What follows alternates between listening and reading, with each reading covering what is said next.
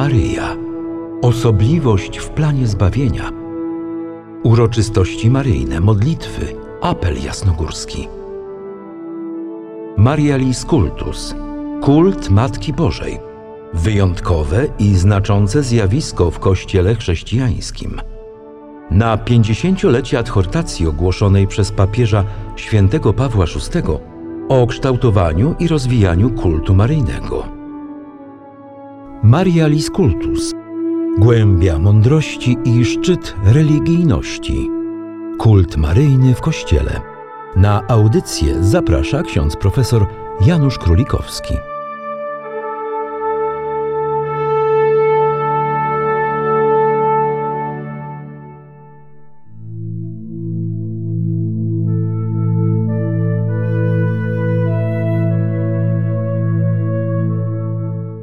Dziewica słuchająca. W przygotowaniu odnowy pobożności maryjnej papieżowi świętemu Pawłowi VI, o której pisze w adhortacji Marialis Cultus, zależało bardzo, zresztą w duchu wcześniejszej debaty soborowej poświęconej Matce Bożej w życiu Kościoła, na nadaniu jej jak najbardziej wewnętrznego charakteru. Jej kluczowym założeniem miało być takie ukierunkowanie kultu maryjnego, by zyskał na znaczeniu wzorczy charakter Maryi, szczególnie wskazujący na właściwego ducha pobożności, w którym Kościół zarówno czci, jak i przeżywając wyraża tajemnice Boże. Nauka soborowa podkreślająca głęboką i wszechstronną więź zachodzącą między Maryją i Kościołem postawiła bardzo cenny postulat odkrycia wewnętrznych postaw, w których wyraża się ta więź i niejako konkretyzuje religijnie.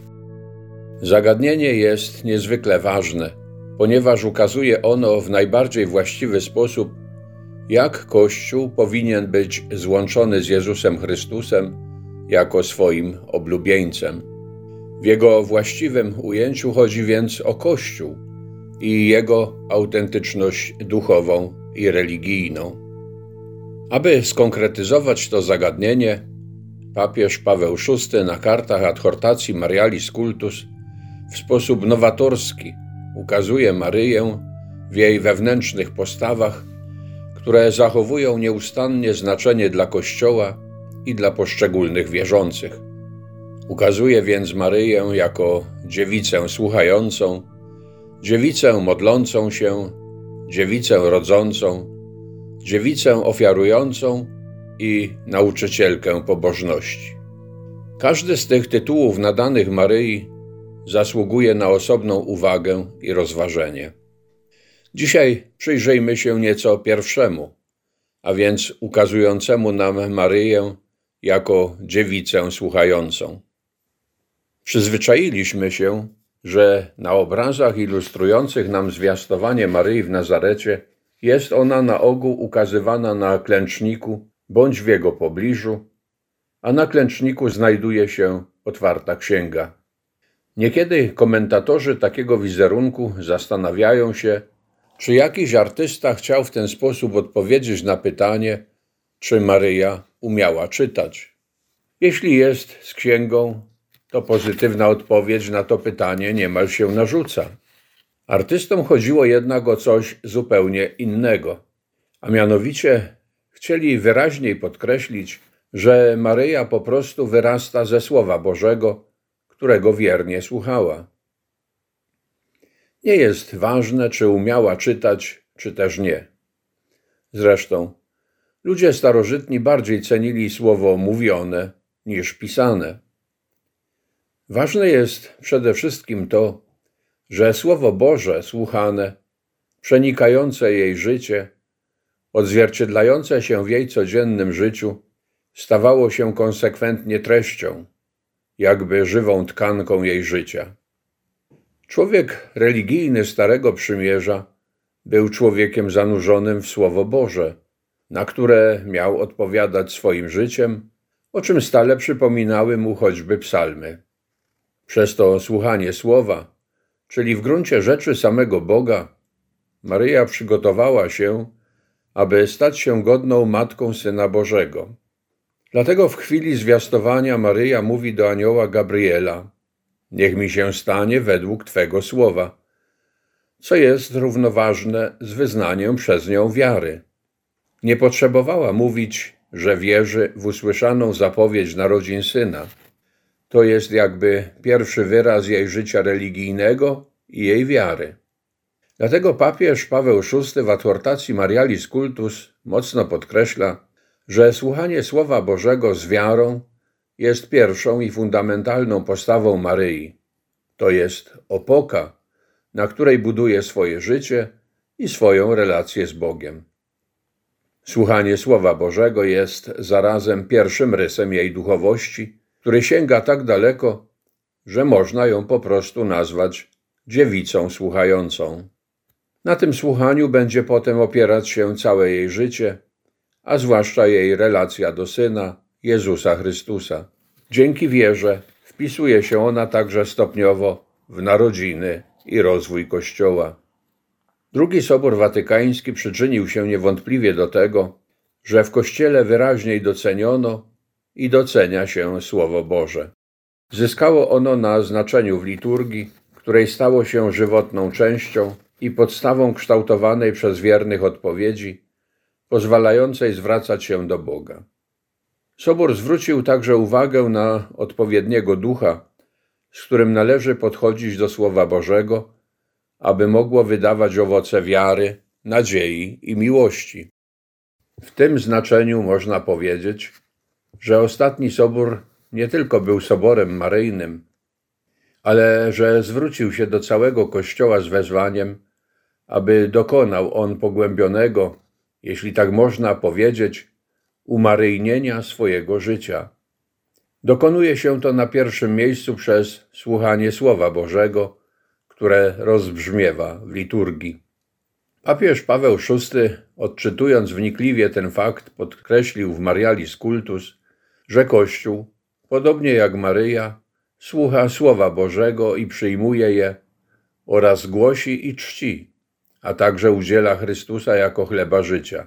A ponadto w Jego świetle bada, jakie są znaki czasów i wyjaśnia oraz przeżywa wydarzenia ludzkie. Widzimy więc, że Słowo Boże posiada wszechstronne znaczenie, ale będzie ono realnie oddziaływało na życie Kościoła, jeśli podejście do niego będzie się opierało na wierze słuchającej.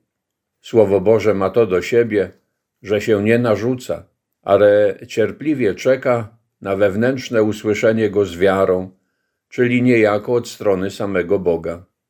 Widzimy, że dzisiaj, kilka dziesięcioleci po zakończeniu soboru, sprawa znowu staje się niezwykle aktualna. Z zasady podporządkowania się Słowu Bożemu chce się niejednokrotnie przejść na pozycję podporządkowania Słowa Bożego wymogom czasów.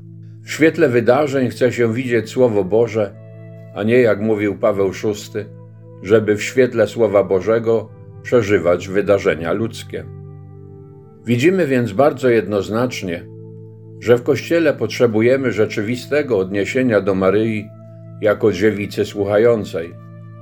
Ona swoją postawą wielkodusznego i posłusznego przyjęcia Słowa Bożego jawi się nam jako żywa zasada jego interpretacji, czyli umożliwienia mu wejście w życie kościelne i ludzkie w pełnej autentyczności.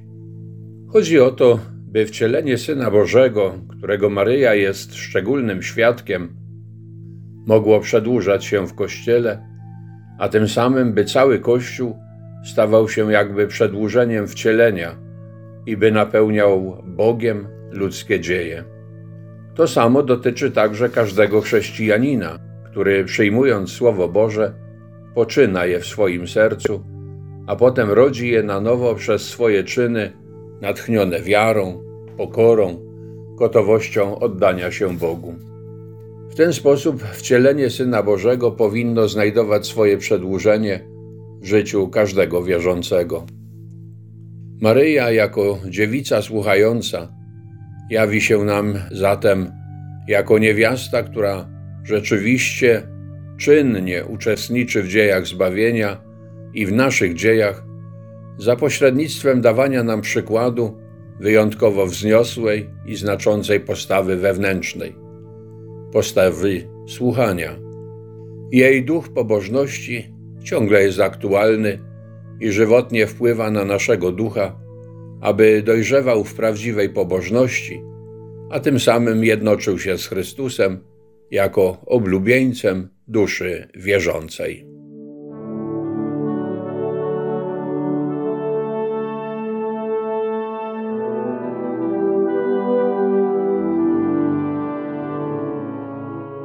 Maryja.